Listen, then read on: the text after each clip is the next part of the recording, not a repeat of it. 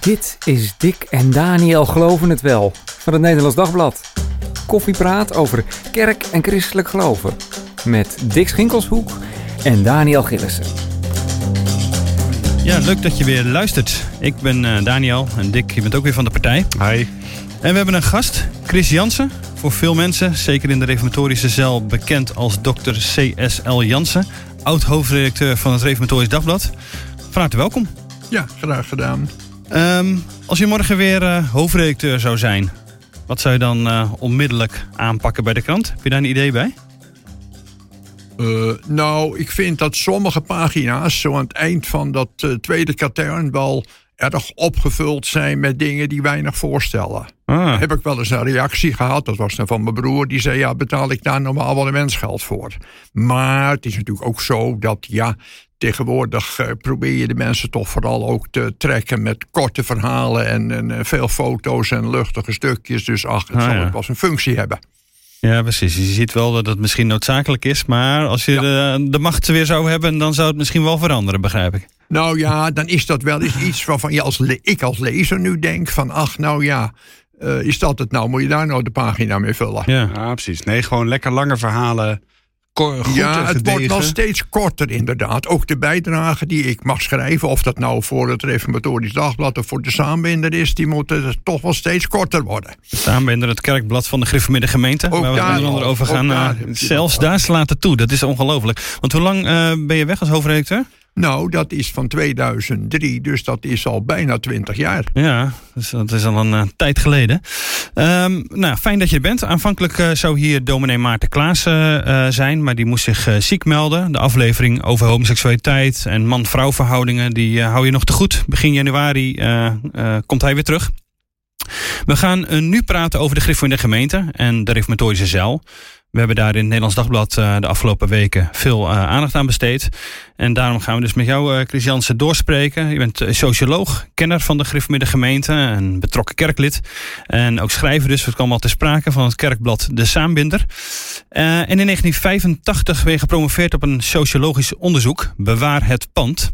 Had je gedacht dat je daarna 40 jaar nog eens over zou gaan praten? Nou, dat had ik niet gedacht. Want ach, veel proefschriften die uh, verdwijnen toch uh, in de vergetelheid. Maar pas zei ik nog tegen iemand, uh, Andries Knevel had mij ook nogal geciteerd in zijn Bijbelbeltlezing twee weken geleden. Ja. Dat ik in ieder geval erop kan beroemen dat mijn proefschrift niet in de vergetelheid is geraakt. Nee, precies. Dat komt altijd wel weer, uh, wel ja. weer terug, ja. Zijn er inzichten uh, die je toen had waarvan je, waar, waarvan je nu moet zeggen... zo, dat is wel ontzettend uitgekomen? Dat is, dat had ik dat ja, toch kijk, wel goed, uh, goed voorspeld. toch ook wel belang van de zuil, dat is natuurlijk ook wel gebleken, maar ook wel assimilatietendensen, aanpassingstendensen. Het is natuurlijk nooit een 100% afscherming. En de ondertitel van het proefschrift was. Het was een hele dus, ingewikkelde, kan ik me herinneren. Ja, maar toch wel veelzeggend. De, eenmaal de spanning tussen assimilatie en persistentie. Assimilatie is dus van het opgaan in de bredere samenleving. En persistentie is het behouden van je eigen identiteit. Bij de emancipatie, dus de maatschappelijke vooruitgang van de bevindelijk gereformeerden. Ja, want die, die zijn natuurlijk die zijn steeds hoger opgeleid, uh, hoger opgeleid uh, geworden. Uh, zijn op steeds meer plekken in de samenleving te vinden, ook op hogere posities. En daar was, de, was zeg maar de vraag van hoe verhoudt zich dat tot het behouden van de eigen identiteit en ga je daar niet gewoon op, op in de wereld? Inderdaad, dat was het. Zeggen. Ja. Uh, zoals je natuurlijk ook die vraag gesteld is in de jaren zeventig door Hendricks uh, ten aanzien van de gereformeerde kerken. Ja, precies. En uh, um, heb je in dat proefschrift ook aan voorspellingen gewaagd? nou, dat voorspellen, dat is toch altijd uh, moeilijk, zoals je weet. Maar sociologen doen het vaak heel Wel natuurlijk wat, mm -hmm. wat tendenties gesignaleerd. Waarvan je doortrekken. zeggen van ja, die, die kun je doortrekken.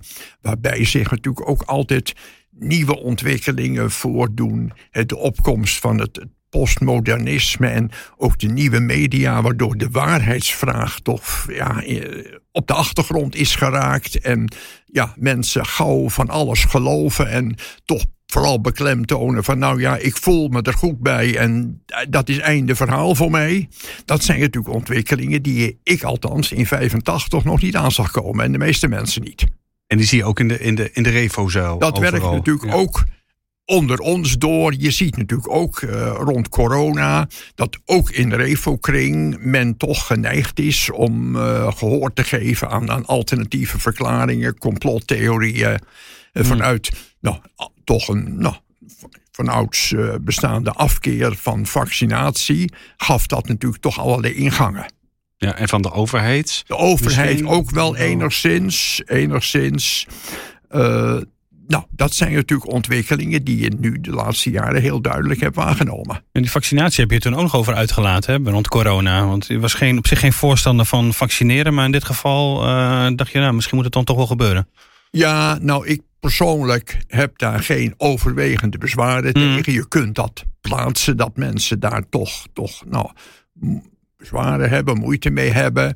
Uh, daarnaast is er natuurlijk een hele ja, medische discussie over van hoe bereik je een bepaalde immuniteit en, welke, en ook welke maatschappelijke risico's wil je lopen, vind je verantwoord om te lopen. Ja, dat is natuurlijk een discussie die nog steeds speelt uh, in Nederland en ook in China. Ja. ja. Heeft, hij, uh, heeft hij nadruk op het gevoel? Hè? Dat, dat als, als het voor mij goed voelt, dan is het waar. Die tendens. Heeft hij ook het, uh, het geloof, de geloofsbeleving in reformatorische kring uh, veranderd? Nou, het is natuurlijk wel zo dat van ouds de kenmerkend voor de bevindelijk gereformeerde was, vergeleken met de gereformeerde kerken, de, de kerken gewone gereformeerde, ja. het de gevoelscomponent, dat die heel duidelijk aan de orde kwam. Zoals dat natuurlijk ook in onze beleidenis aan de orde komt. Als je nagaat in de Dordtse leerregels, wordt natuurlijk heel vaak gesproken over gevoelen en de gevoelens. Uh, maar dan gaat het natuurlijk wel om de vraag. Niet om de, gaat niet om de vraag van wat zijn nou mijn eigen mhm. authentieke gevoelens en die vormen het einde van alles. Nee, het gaat erom, voelt u in uw hart ook datgene wat God in zijn woord ons voorhoudt. Dat dat de waarheid is en dat dat ook voor u de waarheid geworden is. Ja, ja. ja. Maar, dan, maar daar staat natuurlijk een soort, een soort andere gevoelstendens dan tegenover. Van eh, nee, maar wat ik voel, dat, dat is de waarheid. Dat is voor mij de waarheid. En dat is natuurlijk de hele maatschappelijke tendens.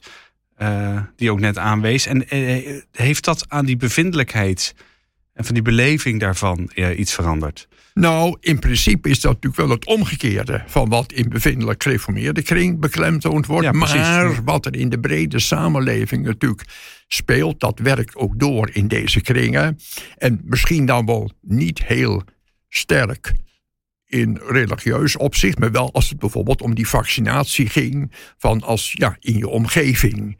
Uh, mensen zeggen, nou, ik voelde me er niet goed bij en dat zou dit en dat zou dat kunnen zijn. Ach, dat, dat, ja, dat werkt toch altijd wel door. Ja, ja. Dat, uh... Goed, we hebben het dus over uh, de gereformeerde gemeente. Een bevindelijk uh, kerkgenootschap, zoals dat heet. onderdeel van de reformatorische zeil. Eigenlijk de belangrijkste kerkgenootschap daarbinnen. De herstelde vormde kerk die daar deel van uitmaakt. Een deel van de christgereformeerden. En zeker ook de gereformeerde gemeente in Nederland. De oud-gereformeerde gemeente. Daar nog wat, zullen maar zeggen, rechts van de gereformeerde gemeente. En dan um, in de, de PKN ook nog wel, ja. Dat zou je er een deel ook nog wel bij kunnen rekenen. Uh, gereformeerde bond uh, zou je dan, uh, maar die zal zich niet in zijn geheel zeg maar, tot de reformatorische zeil rekenen. Maar een, maar een deel, deel daarvan wel. De kerk heb je dan nog. Ja. Maar dan heb je zo ongeveer dat plaatje. alles wel, gehad. Ja. Um, die zijn natuurlijk ook wat herkenbaar. Voor een deel ook aan, uh, aan, aan kleding of haarstijl of reformatorische scholen en dergelijke. Waar je, waar je reformatorische christenen aan, aan herkent of ook wat uh, nou ja, kunt situeren. Um, we hebben in het Nederlands Dagblad twee interviews gehad uh, recentelijk met prominente dominees uit de gereformeerde gemeente. Cor Haring en Aart Moerkerken. Allebei al ja, met emeritaat, met pensioen zou je kunnen zeggen. Er staan allebei wel voor wat verschillende stroming binnen dat bevindelijk kerkgenootschap. Ehm, we hebben ook een interview gehad met Mariette Baai. Uh, zij was aanwezig in deze podcast uh, vorige week. En zij schreef een brief, Beste Gergem, waarin zij haar ja, kerkpijn verwoordde. Ja, want ze had, um, had afscheid genomen van de de gemeente, is daar tegen dingen aangelopen. En dit was een soort therapeutische verwerking van dat, van dat verleden. Dus door een brief te schrijven. En, uh, ja dat te doen. Ja. Hoorde je dat vaker, uh, Chris? Uh, wat um, Mariette Baai zei, zeg maar, van mensen nemen dan afscheid van de gereformeerde gemeente. en lopen dan toch nog langer met, nou ja, een soort van pijn rond, willen dat verwerken. is dat iets wat je vaker tegen bent gekomen de afgelopen ja, decennia? komt natuurlijk best voor. Het hangt natuurlijk ook wel heel erg vanaf waar mensen dan terechtkomen. Kijk, als je van, Christ, van de gereformeerde gemeente overgaat naar de hersteld hervormde kerk, dan is die overstap niet zo groot. Nee. Maar breek je volstrekt met kerk en godsdienst of ga je over naar de remonstrantse broederschap, dan is die afstand natuurlijk best heel groot die je hebt overbrugd. Ja. En dan betekent natuurlijk ook dat je op allerlei fronten een andere ja, levensinstelling hebt, levenspatroon rond de zondag, je vriendenkring, je, je, contact met de familie wordt toch moeilijker. Dus het, ik weet niet uh, waar zij terechtgekomen is. Weten jullie dat? Ja, ze is eerst uh, helemaal uit de kerk. En nu weer terug binnen de protestantse kerk volgens mij. heeft ze een plek weer maar Eerder gevonden. ter linker dan ter rechterzijde? Ja, dat denk ik een dan beetje. is de overstap ja. De overstap is nog veel groter. Ja. Ja. ja. Maar wat mij weer fascineert, is dat je eigenlijk overal in kerkelijk Nederland, waar je ook komt, kom je uh, ex-gergemmers tegen. Dus mensen die ooit in een, in een verleden lid waren van de Gif de gemeente, daar uitgestapt zijn. En die je nu, nou, in de protestantse kerk, de protestantse kerk, daar wemelt het van. De, heel veel dominees zijn mhm. ooit in hun jeugd bijvoorbeeld lid van de Gif de gemeente geweest. Je ziet ze, je ziet ze overal. Ja, er is natuurlijk best een behoorlijke uitstroom uit de gereformeerde gemeenten. Waarbij je wel moet realiseren dat je in het midden van de PKN en vroeger in het midden van de hervormde kerk ook heel wat mensen, theologen ook, predikanten tegenkomt, die van oorsprong uit de kring van de gereformeerde bond komen. Dus maar iedereen schuift een beetje naar links op. Ja, maar ook in de kerkelijke statistiek komt dat natuurlijk niet zo erg tot uitdrukking. Nee. Nee, hier kun je het goed uh, situeren. Kun je duidelijk maken. Die komen uit Grif met de gemeente. Je ziet ook die verschuiving. Je weet hoeveel daar uh, mensen daar vertrekken. Ja. Maar van Grif Middenbond naar, naar het midden van de kerk. Die verschuiving zie je natuurlijk minder, kun je minder cijfermatig onderbouwen. Ja, dan moet je dat echt weten. Van, nou, of in een interview wordt dat genoemd. Van van huis uit komt die uit de gereformeerde bond. Ja, maar toch, die gegemmers, om het maar even zo te zeggen, of ex-gegemmers zijn wel behoorlijk aanwezig. Als ze er, ja, uh, dan uh, herken dat je het zie je ook op zo'n Bijbelbelt netwerkbijeenkomst. Of het nou Fred van Lieburg is of een ander, of uh, Maarten Wisse. Die komen allemaal uit de gereformeerde gemeente. Grote theologen in de, in de protestantse kerk. En we kunnen niet omheen, er zitten er ook twee hier aan tafel. Um, dat wist ik al. Ja, twee aan tafel, zeker. Uh, maar maar uh, uh, Daniel, jullie hebben ooit, volgens mij, Chris Daniel, jullie hebben ooit becijferd ongeveer om hoeveel, hoeveel mensen dat, dat gaat. Ja, in 2008 hè, hebben we een grote productie in Nederlands Dagblad gemaakt. Uh, Chris, waar je medewerker hebt uh, verleend. Om toen uit te rekenen, zeg maar, uh, hoeveel mensen de Grif met de gemeente in die voorgaande 50 jaar was het, verlaten hebben. Dat ging om zo'n 60.000 mensen. We hadden er ook een hele lijst bij inderdaad, hè, met een ja, prominente die met name predikanten die uit de oorspronkelijk uit de Grif met de gemeente vandaan kwamen. Uh, en je hebt later dat opnieuw nog uh, uh, becijferd, een paar jaar geleden. Van de uittocht, zal ik maar even zeggen, uit ja. de gemeente. Dan kan ik me ook nog herinneren dat ik je er destijds op gewezen heb. Heb ik ook nog eens een lijst van gemaakt. Van dat er bijvoorbeeld onder het predikantenkorps in de gereformeerde gemeente. Ook relatief, dus niet zo'n groot korps, 50 ja. man best ook heel wat mensen zijn die van huis uit ook weer niet uit de gereformeerde gemeente komen. Dat stond er ook bij, de tegenbeweging. Ja, of de rechter of de linkerzijde. Dus dat klopt. Dat even terzijde. Dan is het natuurlijk zo dat, uh, ja, inderdaad, die ontwikkeling die, die doet zich voor. Je hebt natuurlijk als, als verantwoordelijke binnen een kerkverband, uh, of binnen een identiteitsorganisatie, altijd met twee, twee vragen te maken van hoe hou ik de kudde bij elkaar en hoe hou ik de kudde op het rechte pad. En die twee doelstellingen die laten zich lang niet altijd zo makkelijk verenigen.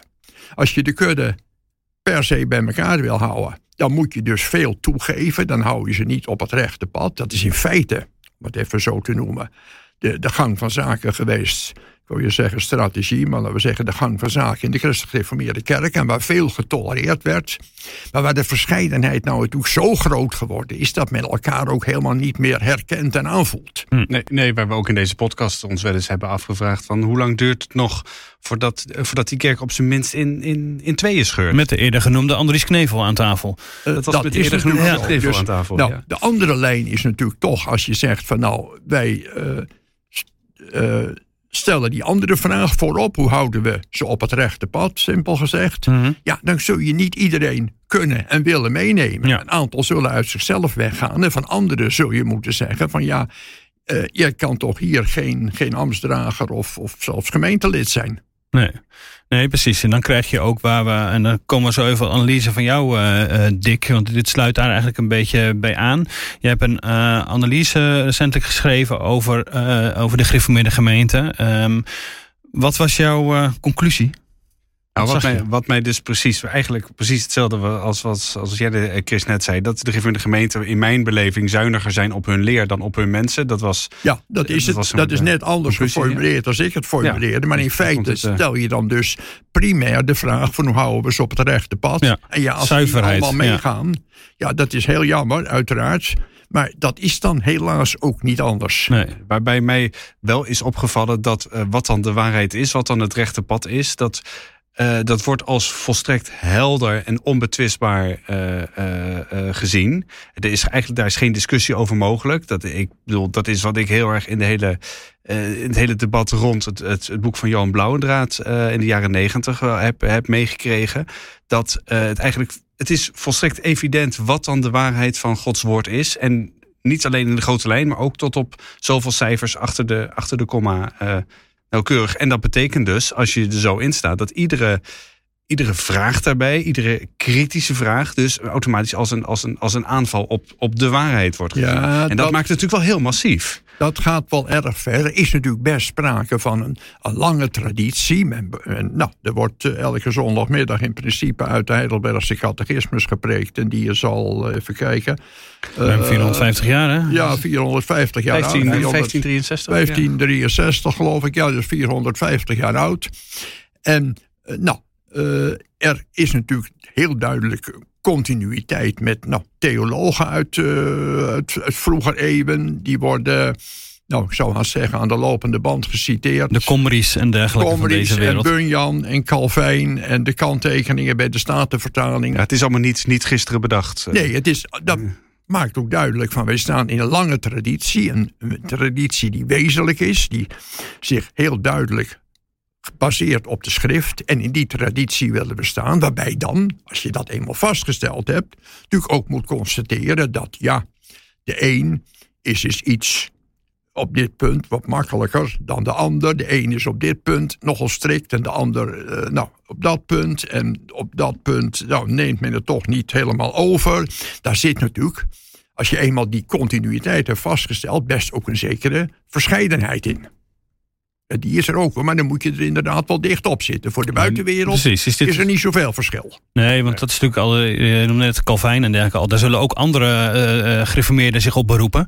Uh, maar die zullen een andere interpretatie daar, uh, daarvan aan, aan, aan geven, zeg maar. Dus dan krijg je toch net dat je denkt, hé, hey, maar dit matcht toch niet helemaal met hoe dat in de gereformeerde gemeente zit. Het past toch wel binnen de lijn bijvoorbeeld van, van Calvijn of in de lijn van de reformatie. Maar ja, dat was precies het, het punt dat, dat, dat iemand als Blauw Toen in de jaren negentig maakte met zijn boekje Het is ingewikkeld geworden.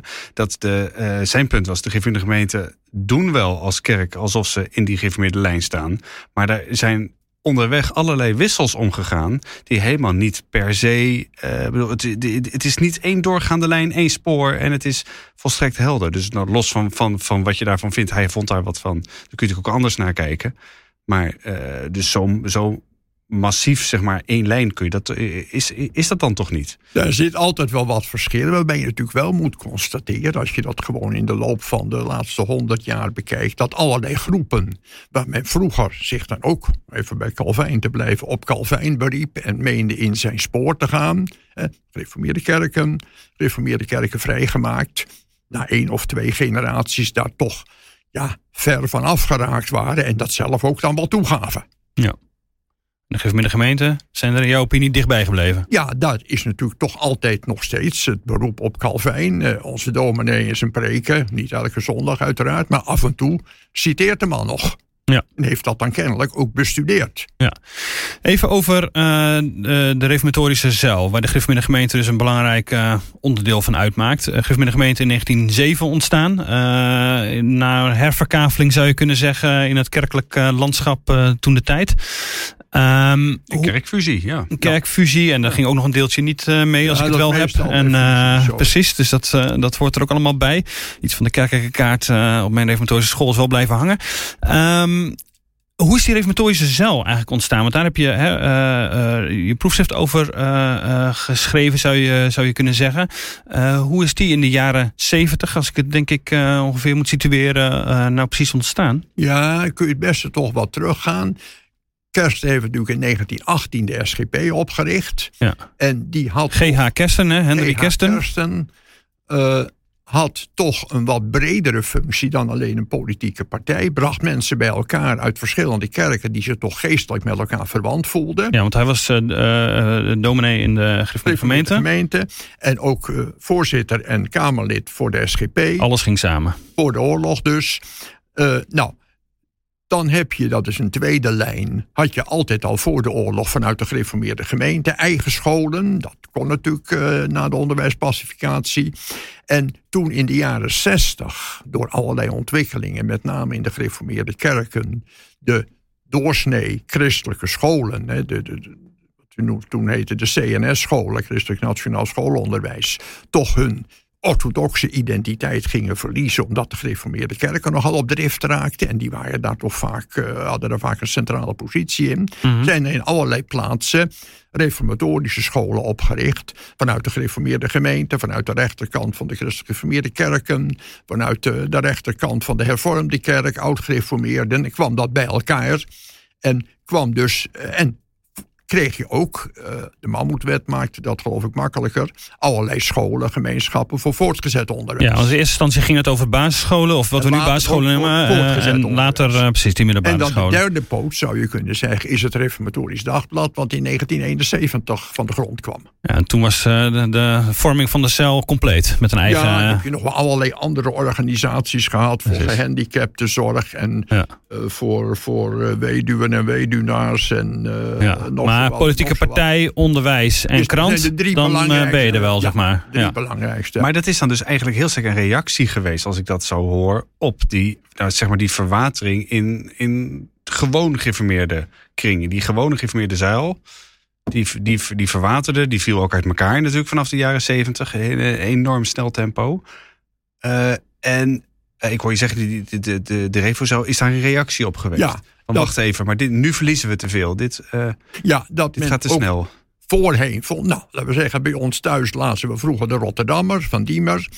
Uh, goed, dat was niet uh, een gereformeerde gemeentekrant. Diemers zal wel gereformeerd geweest zijn, maar hield toch nou, rekening met wat er ook ter rechterzijde van hem leefde. Meer dan Trouw dat deed.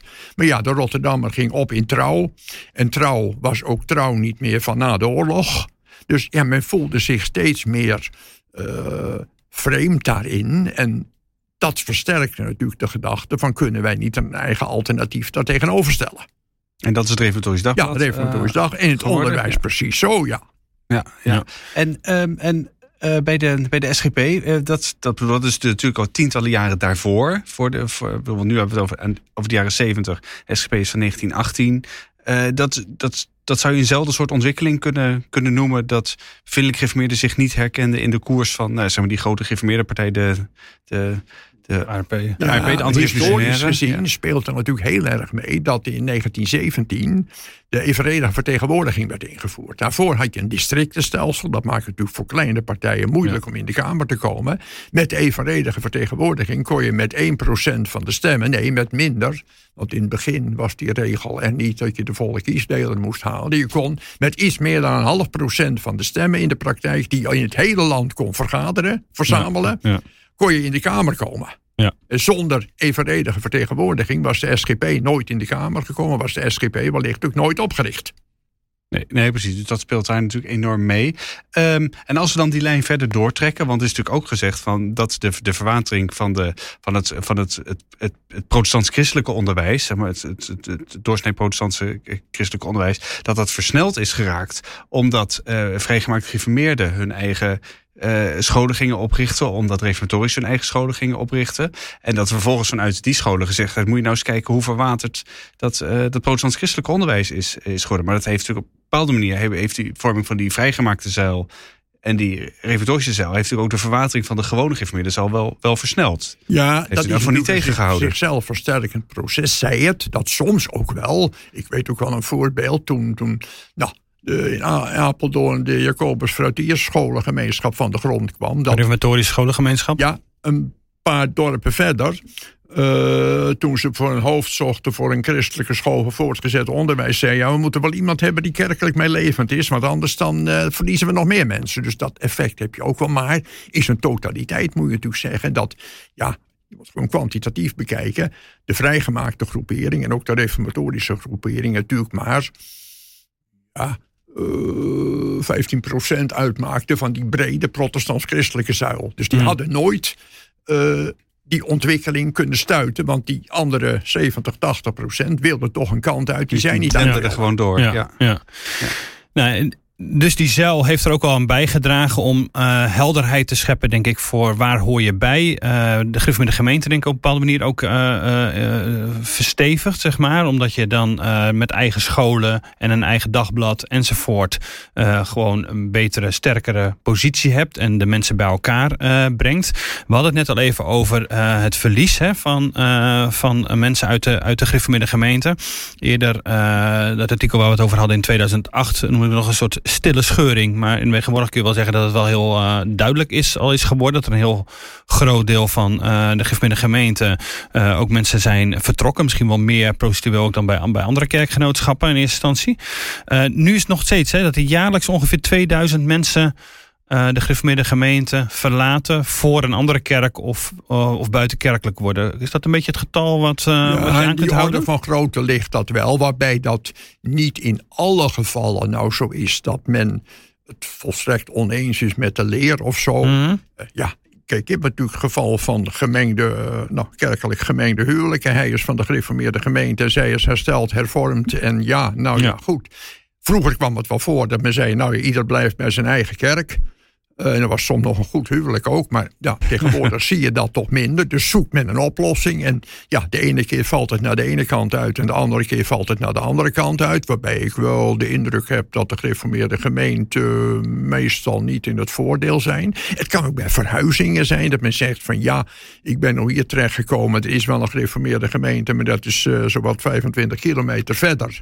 En ja, dan heb je categorisatie. Je hebt niet zoveel binding eraan. Nou worden we toch maar nou, christelijk gereformeerd hier, want dat vinden we dat het best kan. Mhm. Dus het zijn niet in alle gevallen, het zijn natuurlijk heel diepgaande beslissingen dat men zegt, ik ben het volstrekt niet meer mee eens, ik breek ermee. Maar kijk, drie kwart, 80 procent, oh, die orde van grootte zal dat wel zijn, zit er natuurlijk toch meer achter. Ja. Nu noemde dominee Moerkerk in het interview dat we als krant met hem hadden als belangrijkste reden dat mensen de, de, de regels zat zijn. Geen televisie, vrouwen lang haar, een rok aan. Uh, dus, en dat, dat, mensen op een gegeven moment denken: hé, hey, maar dit vind ik te veel uiterlijke uiterlijkheden. Ik, uh, ik kap daarmee. En hij zag dat als een hele belangrijke reden waarom mensen de, de de gemeente. Ja, dat is natuurlijk wel een punt. Zij het dat u natuurlijk ook kunt zeggen: ja, de theologische verschillen die er zijn, zijn de meeste mensen toch niet in staat om die adequaat onder woorden te brengen. Dus men zoekt het dan in dat soort dingen die makkelijker. Het is, het is lekker concreet. Zijn. Ja, ja, precies. Ja. Ja. Maar die theologische verschillen zijn dus maar een deel, denk jij, van de, als je het analyseert, van de mensen die vertrekken. Dat voor alle, om, om allerlei praktische redenen is. Nou, ja, kijk, die, wat ik net noemde van gemeende huwelijken, van uh, gemeende verkeringen enzovoort. Dat is natuurlijk, ja, ik heb daar nooit cijfers over gezien, maar dat schat ik dat je dan niet verder komt dan 15, 20 procent. Wat in een aantal gevallen is natuurlijk ook zo. Dat als iemand uh, trouwt met een, uh, nou, jongen of meisje, we zeggen, die vrijgemaakt is. Ja, dat doe je ook niet zo gauw als je heel sterke binding aan je eigen kerk hebt. Dus dat is altijd weer een combinatie van, van verschillende factoren. Ja, dan zoek je het in de revo toch? Ja, inderdaad. dat is zo. Dan, dan gaat de verkering uit, dan gaat het huwelijk niet door. Als ze het er niet over eens kunnen worden. Uh, maar ja, in de meeste gevallen is, zit er toch meer achter. En dan is het ja een kwestie vaak van leer en leven. Die hangen natuurlijk met elkaar samen. In een andere kerk kan er meer. Uh, word je op minder aangesproken. En tegelijkertijd, om het nou even zo te zeggen, is het geloof makkelijker. Ja. Nou goed, even over die, die, over die cijfers nog. Voor het eerst uh, was het dan 2021 geloof ik dat de Griffemiddag gemeente leden verloren. Is het een soort uh, scharniermoment uh, van uh, dat het ook wel eens zo zou kunnen zijn dat door hetzelfde aantal mensen dat steeds de kerk verlaat. En tegelijk een dalend geboorte ja, overschot, zoals je dat noemt. Hè, meer geboortes dan sterfte. door een dalend geboorteoverschot de gereformeerde gemeente nu gaan, gaan dalen? Ja, kijk, de groei van de gereformeerde gemeenten uh, maar dat was natuurlijk ook uh, de vrijgemaakte kerk, de gereformeerde kerk in de tijd dat die nog groeide. Ja. Die kwam niet zozeer door toestroom van buiten, maar toch dat er een, een geboorteoverschot was. Dat ligt, kijk, het Nederlandse geboortecijfer ligt op iets van 10 promiel. In de gereformeerde gemeente toch wel bijna 20. Dus iets eronder. Een paar jaar geleden lag het er iets boven. Ja, ja. Dan heb je natuurlijk toch een, een behoorlijk geboorteoverschot. En om het nou even zo te zeggen, daar kun je dan nou even, nou ja, zo, even plat, zo compenseren. van, uh, daar kun je een deel van verliezen en toch nog groeien. Ja, precies. Maar dat, die tijd is voorbij, denk ik. ja, want dat geboorteoverschot dat, zakt toch wel wat. En de uitstroom die blijft. Dus inderdaad, nu zit men op een, nou, een pijl dat het ja, soms iets groeit soms iets zakt. Maar het had ook met een, een plaatselijke scheuring te maken. Ja, ja, dan heb je een collectieve uittreding. Het groeit nog iets, maar dat zijn er dus honderd per jaar of zo. En ja, kijk, als het geboortecijfer nog weer eens iets verder zou zakken... of de uitstroom nog weer eens iets toeneemt... dan kom je natuurlijk in een situatie dat het, het ledental gaat afnemen... Ja, je zit nu ongeveer op 107.000 of zo? 107.000 en dat is natuurlijk een situatie die je al minstens 20 jaar in de christelijk gereformeerde kerken hebt. En de laatste 10, 15 jaar ook in de vrijgemaakte kerken. Ja, want ik geloof dat nu de vrijgemaakte weer richting uh, de aantal van de gereformeerde gemeente tenderen. Ja, inderdaad. Daarom fuseren ze natuurlijk met de Nederlandse gereformeerde. Zou het? Eh, ja. Want, even, want 100, even voor, voor mijn beeld, 107.000 leden van de GIP in de gemeente. Uh, de reformatorische zaal in totaal. Moeten we dan rekenen op, wat is het, 300.000? Ja, dat is wat, heel moeilijk, omdat met name naar de hervormde of naar de PGN-kant tegenwoordig je het moeilijk af kan grenzen. Uh, je, vaak werd dan gekeken zelfs als het ging om de aanvraag van, van de reformatorische scholen naar het aantal SGP-stemmers. Uh, dat is tegenwoordig iets van, uh, verkijken, 200.000 geloof ik. 180, ja. Ja, onder, eh, de laatste keer zaten ze bijna 200.000. Okay. Hm. Nou, dan moet je dan natuurlijk nog weer bijtellen uh, niet-stemmers, ja. niet-stemgerechtigden. en dan is het ook nog zo dat de SGP meer dan vroeger stemmen trekt van buiten de de eigenlijke SGP-kring heeft te maken met uh, ja, de zwevende kiezers, waardoor mensen makkelijker zeggen: Nou ja, goed, het is wel mijn richting niet. Maar op dat punt vind een goede peer. dat ze gelijk hebben. En stem ik erop. En volgende conservatieve stem, partij. Volgende keer stemmen ze weer op heel wat anders. Dus vroeger kon je makkelijker de SGP-stemmers vergelijkstellen met de bevindelijk gereformeerde kring. Dus ik heb, dacht ik, in mijn proefschrift een getal genoemd van een kwart miljoen. Nou ja, we zeggen tussen een kwart miljoen en 300.000 in die orde van grootte. Ja. Maar veel meer kan je daar eigenlijk niet met goed fatsoen over zeggen. Maar even nog even dat schenierpunt. Gaat dat nu, uh, wordt dat, zal het minder worden de komende, als je de 10, 20 jaar vooruit kijkt? Ja, vooruitkijken is altijd moeilijk. Maar, maar we vragen aan een socioloog, die kan uh, even wat lijnen trekken, op toch? Op zich zit het, nou ja, de, zou dat best eens kunnen zijn? Moet je daar wel rekening mee houden dat dat zo is? Uh, zoals je dat natuurlijk ook in andere kerkverbanden ziet. Ik noem al christelijk gereformeerde ja. vrijgemaakte. De gereformeerde bond is natuurlijk een groepering die zich statistisch moeilijk laat vangen. Ja. Ja. Maar er zijn toch ook duidelijk aanwijzingen dat dat behoorlijk terugloopt. Je hebt die studie van Marijn Wijma gehad van uh, een menigte die mentale kan, uh, van voorjaar gepromoveerd op ja. de kerkelijke statistiek. Die komt nogal voor de gereformeerde bond met cijfers die behoorlijk dramatisch zijn. Ik, ik heb dat van tevoren ook onder ogen gehad. Haar gezegd van nou die cijfers, dat kan haast niet kloppen wat jij daarin hebt staan. Maar goed. Het is te, te somber. Te somber. Uh, ze rekent, ja, maar trouwens, je kan dat niet fatsoenlijk berekenen.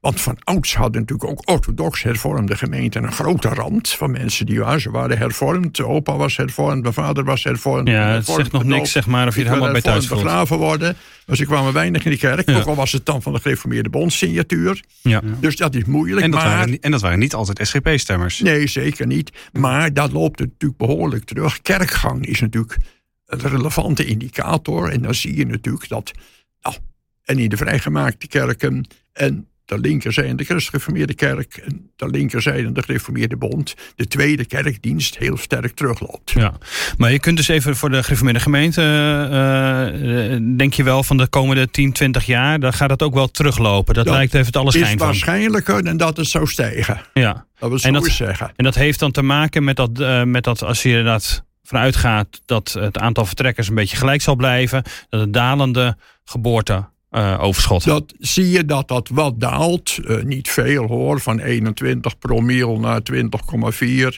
En dan van 19, naar 19,6.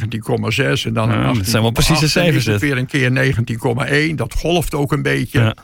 Andere indicator is natuurlijk ook altijd het aantal uh, jongeren dat beleidenis doet. En wat je dan kunt relateren aan uh, het geboorteaantal 20 eh, jaar daarvoor. Mhm. En dan zie je dat dat ook wel terugloopt. Niet zo dramatisch als in de vrijgemaakte kerken. Daar is het natuurlijk dramatisch teruggelopen de laatste decennia. Ja. Maar dat loopt toch wel wat terug. Maar is het niet gewoon een... Uh, zoals het straks in de gemeente gemeente ook zal gaan. Ik bedoel, ik wil niet altijd pessimistisch klinken, maar dan krijg je Gerard Dekker. Hè, ik zeggen, dat is natuurlijk wat. Uh, ja, wat maar Gerard Dekker heeft ook wel eens opmerkingen gemaakt dat natuurlijk dat verhaal wel ga, opgaat als je de vrijgemaakte vergelijkt met de, de synodaal gereformeerden. Maar dat de bevindelijk gereformeerden toch wel een categorie apart zijn. Ja. Die lijnen In wat voor zin zijn die een categorie apart? Heeft dat met die zeil te maken? Want die hadden de vrijgemaakte, de vrijgemaakte uh, ooit ook. Ja, heeft, daar heeft het wel mee te maken. Maar ook wel met de andersoortige geloofsovertuiging. Die toch, ja, wat nou zo te zeggen, wat meer diepgang heeft. En diepgang, wat, wat, wat bedoel dat jij daarmee? toch minder makkelijk. Daarmee breekt toch de, de ernst van de boodschap. Ja. Uh, is toch, toch sterker aanwezig bij kerkvolk. de klem van het, van het eeuwig behoud. De klem van het eeuwig behoud. Van ja. De, ja, uh, dat de mens uh, voor God zal moeten verschijnen.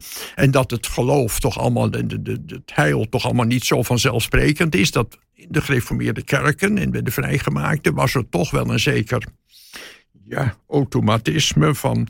Ja, als je trouw kerkelijk mee levend bent, dan moet het toch wel goed met je aflopen.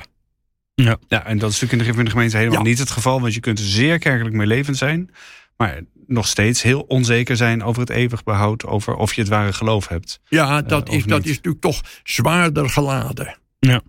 Zou je in de gereformeerde gemeente ook nog kunnen zien dat het meer naar elkaar toe kruipt naar bijvoorbeeld de gereformeerde gemeente in Nederland, een afsplitsing uit 1953? Uh, eh, die verhoudingen die zijn wel een stuk uh, vriendelijker geworden. Gaan we een fusie zien? Was. Gaan we een fusie zien over 10, nou, 20, 30 jaar? Dat weet ik nog niet. Maar kijk, dat is natuurlijk op allerlei fronten is allerlei manieren is dat te verklaren. Al was het alleen maar dat de generatie die die conflicten heeft meegemaakt, die, die nou, met elkaar gebotst heeft, die zijn overleden. Ja. Heb je natuurlijk ook in de vrijgemaakte kerken ten opzichte van Nederlands gereformeerden. Uh, nou, dus en uh, een tweede is dat men natuurlijk toch ook ja, elkaar nodig heeft, met elkaar uh, samen wil werken, elkaar tegenkomt. En nou, toch ook wel weer constateert van nou, ondanks alle verschillen zijn er toch ook nog een heleboel overeenkomsten. Mm. Uh, en dat maakt dat de verhouding uh, minder gespannen is dan uh, die 30, 40 jaar geleden was. Ja, je hebt iets nodig, denk ik, ook, kan ik me voorstellen, om die cel uiteindelijk, die heel belangrijk was, hè, waar je net al even over, over eens waren van hey, wat is het belang van, uh, van de cel, de reformatorische cel, ook voor de, voor de de gemeente, en dat, en dat duidelijk dat die leer ook uh, helder staat. die cel, ja, die, die moet natuurlijk in stand blijven vanuit perspectief, zeg maar, van de gereformeerde ja, gemeente. Ja, natuurlijk, nou, de SGP je hebt het RD, allerlei organisaties. Je het gaat niet vanzelf goed, zeg maar. Nee, je moet dat altijd wel met zorg moet je die, die verhoudingen in de gaten houden. sommige organisaties is het echt zo dat, dat bestuurszetels kerkelijk zijn ingekleurd. Van, uh, nou, de, als een christelijk gereformeerd bestuurslid opstapt, dan wordt het uitdrukkelijk weer een christelijk gereformeerde gezocht. Mm Dat staat dan ook uh, op de uitnodiging van de vergadering van die en die is kandidaat gesteld, lid van de christelijk gereformeerde kerk daar. Idem uh, richting oud-gereformeerde, gereformeerde gemeente in Nederland. Dat is weer niet overal het geval, maar uh, bij de SGP, bijvoorbeeld hoofdbestuur, is dat toch ook wel behoorlijk kerkelijk ingekleurd. Ja, maar zal op lange termijn, staat die cel nog verder onder druk komen, denk je? Uh, ja, en dat is natuurlijk van buitenaf, hè, welke ruimte blijft er over op reformatorische scholen om dingen te, uit te dragen die botsen met de, de dominante waarden in onze cultuur. En dat is dan met name rond man-vrouw verhoudingen, homoseksualiteit uh, enzovoort. enzovoort. de onderwerpen die we met Maarten Klaassen zouden bespreken. Inderdaad, dat soort onderwerpen. Uh, en maar er is natuurlijk ook een, een interne erosie van ja, wat in de buitenwereld normaal is, dringt ook door in de kerk. Ik heb al eens geschreven een artikel onder de kop van de reformatorische wereld. Reformatorische gezinten volgt de wereld op afstand, bepaalde tijdsvertraging. Ja. Dat natuurlijk niet helemaal op. Er maar zit, er, is er zit gewoon wat, 30 jaar tussen. Daar zit best wel wat tussen. Uh, en dan is dat soms op het niveau van opvattingen, soms op het niveau van gedragingen. Kijk, echtscheiding is men altijd nog tegen en dat, dat is ook terecht. Maar je ziet natuurlijk wel dat het vaker voorkomt. Wat, wat in de buitenwereld gewoon is, ja, dat, dat werkt toch altijd door. Dus welke gevolgen gaat dat hebben uiteindelijk voor de zeil? Ja, een bepaalde slijtage toch wel. Uh, dat uh, niet alleen, je, je, moet, je moet niet alleen kijken naar de druk van buiten, maar ook van, nou, hoe houden wij uh, onze eigen mensen, houden wij, hoe weten we die te binden aan datgene wat ons als school, partij, kerk toch altijd uh, voor ogen heeft gestaan. Ja, want zoals je het nu schetst, komt het op mij over, vooral als dat een zuil vooral een vertragend uh, effect heeft, maar dat uiteindelijk uh, gaat alles dezelfde kant op. Nou, of is ja, dat cynisch? Kijk, om nou te zeggen van over 100 jaar zijn ze waar Kuitert 30 jaar ja, geleden bij, al was. Bijvoorbeeld. Zo simpel zit de wereld natuurlijk ook weer niet in elkaar. Zo, dat, maar die, ten, die tendenties zijn er wel. En dat kan je natuurlijk op twee manieren. Je hebt het model van de collectieve assimilatie. Vrije Universiteit, door Kuiper opgericht. En in zijn gebed heeft hij gezegd dat hij God bad dat de universiteit zou worden afgebroken als ze niet meer Gods eer zou bedoelen. Uh, nou, de VU was natuurlijk voor de oorlog, wel na de oorlog, toch nou, uitgesproken gereformeerde universiteit. Uh, nou, toen werd het breder. Toen werd het algemeen ecumenisch christelijk. Toen werd het nog een beetje vaag christelijk. En nou, op den duur is er niks meer van over. En dan lopen meer islamieten rond dan gereformeerden op de VU. Dus, en onlangs is het, eh, het, ja, het, fotum, is afgeschaft, wat er eh. altijd nog was. En ik weet nog bij mijn promotie... dat dominee Malan van de gereformeerde gemeente in Nederland... die was er ook, die schreef in zijn kerkblad... dat hij dat toch wel heel mooi had gevonden... dat dat daar toch nog gebeurde. Kijk. Maar dat, is, is inmiddels ook niet meer. Nee. nee. Nee. En dan is de vraag: gaan de bevindelijk gereformeerden, misschien dan met een vertraging van enkele tientallen jaren, gewoon niet uiteindelijk diezelfde weg? Ja, is, de er, andere is, is er een alternatief? Ja, de andere variant is natuurlijk wel dat men toch zegt: van nee, dit is onze identiteit, hier houden wij aan vast. En als er dan mensen uitstromen, weglopen, het daar niet meer mee eens zijn, en dat kan ook Mhm. een organisatorische breuk zijn, een deel zegt van nou, wij gaan hier weg.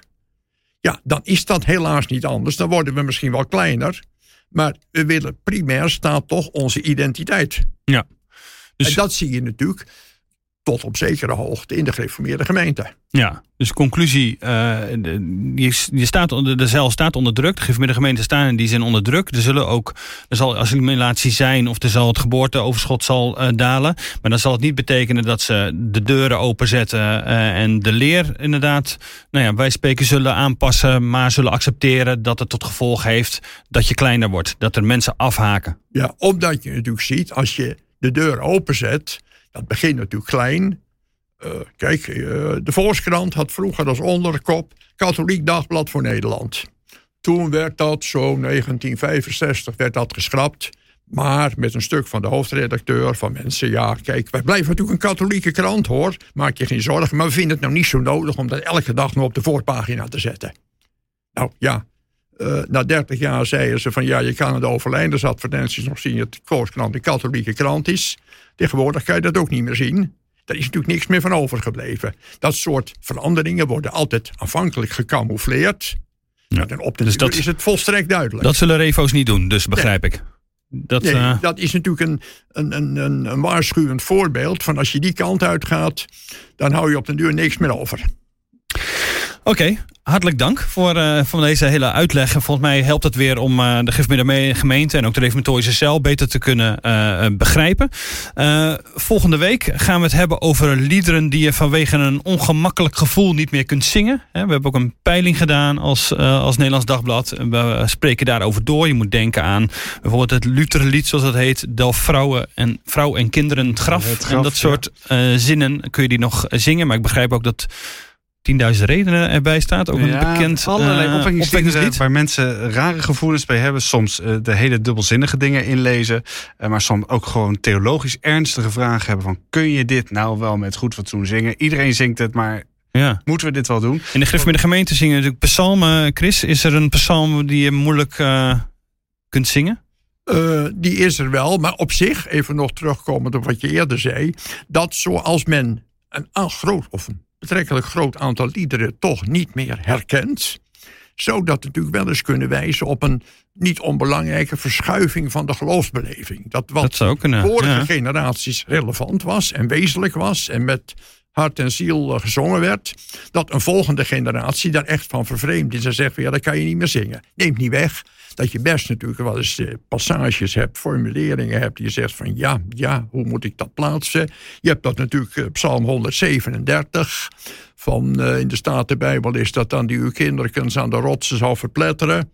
En in de berijming kom je dat ook tegen kan me herinneren dat uh, dominee Moerkerke daar eens naar gevraagd werd en zei: ja, ja, het staat zo in de Bijbel, maar ik heb het psalmvers nooit durven opgeven in de preek. Dus ook in de Griff de gemeente is er soms wel eens moeite met uh, de inhoud uh, van, van de psalmen of van wat er dan gezongen moet worden. Waarbij je natuurlijk moet realiseren dat in een oorlogssituatie, en dat zo'n situatie, de tijd van de ballingschap, zal dat gedicht zijn. Ja, de dingen natuurlijk toch wel ja, allemaal niet zo, zo. Ja, dan is het natuurlijk toch van erop of eronder. Zij gaan eraan of wij gaan eraan. Uh, ik herinner me van professor Maanderschijn, theoloog aan de VU, die vertelde dat zijn vader ten tijde van de slag bij Stalingrad zei van er kunnen niet genoeg Duitsers sneuvelen. Nee, maar dat waren geen kinderen. Dat waren geen kinderen, maar uh, het waren natuurlijk wel mensen. Je zegt wel heftige dingen dan in heftige omstandigheden.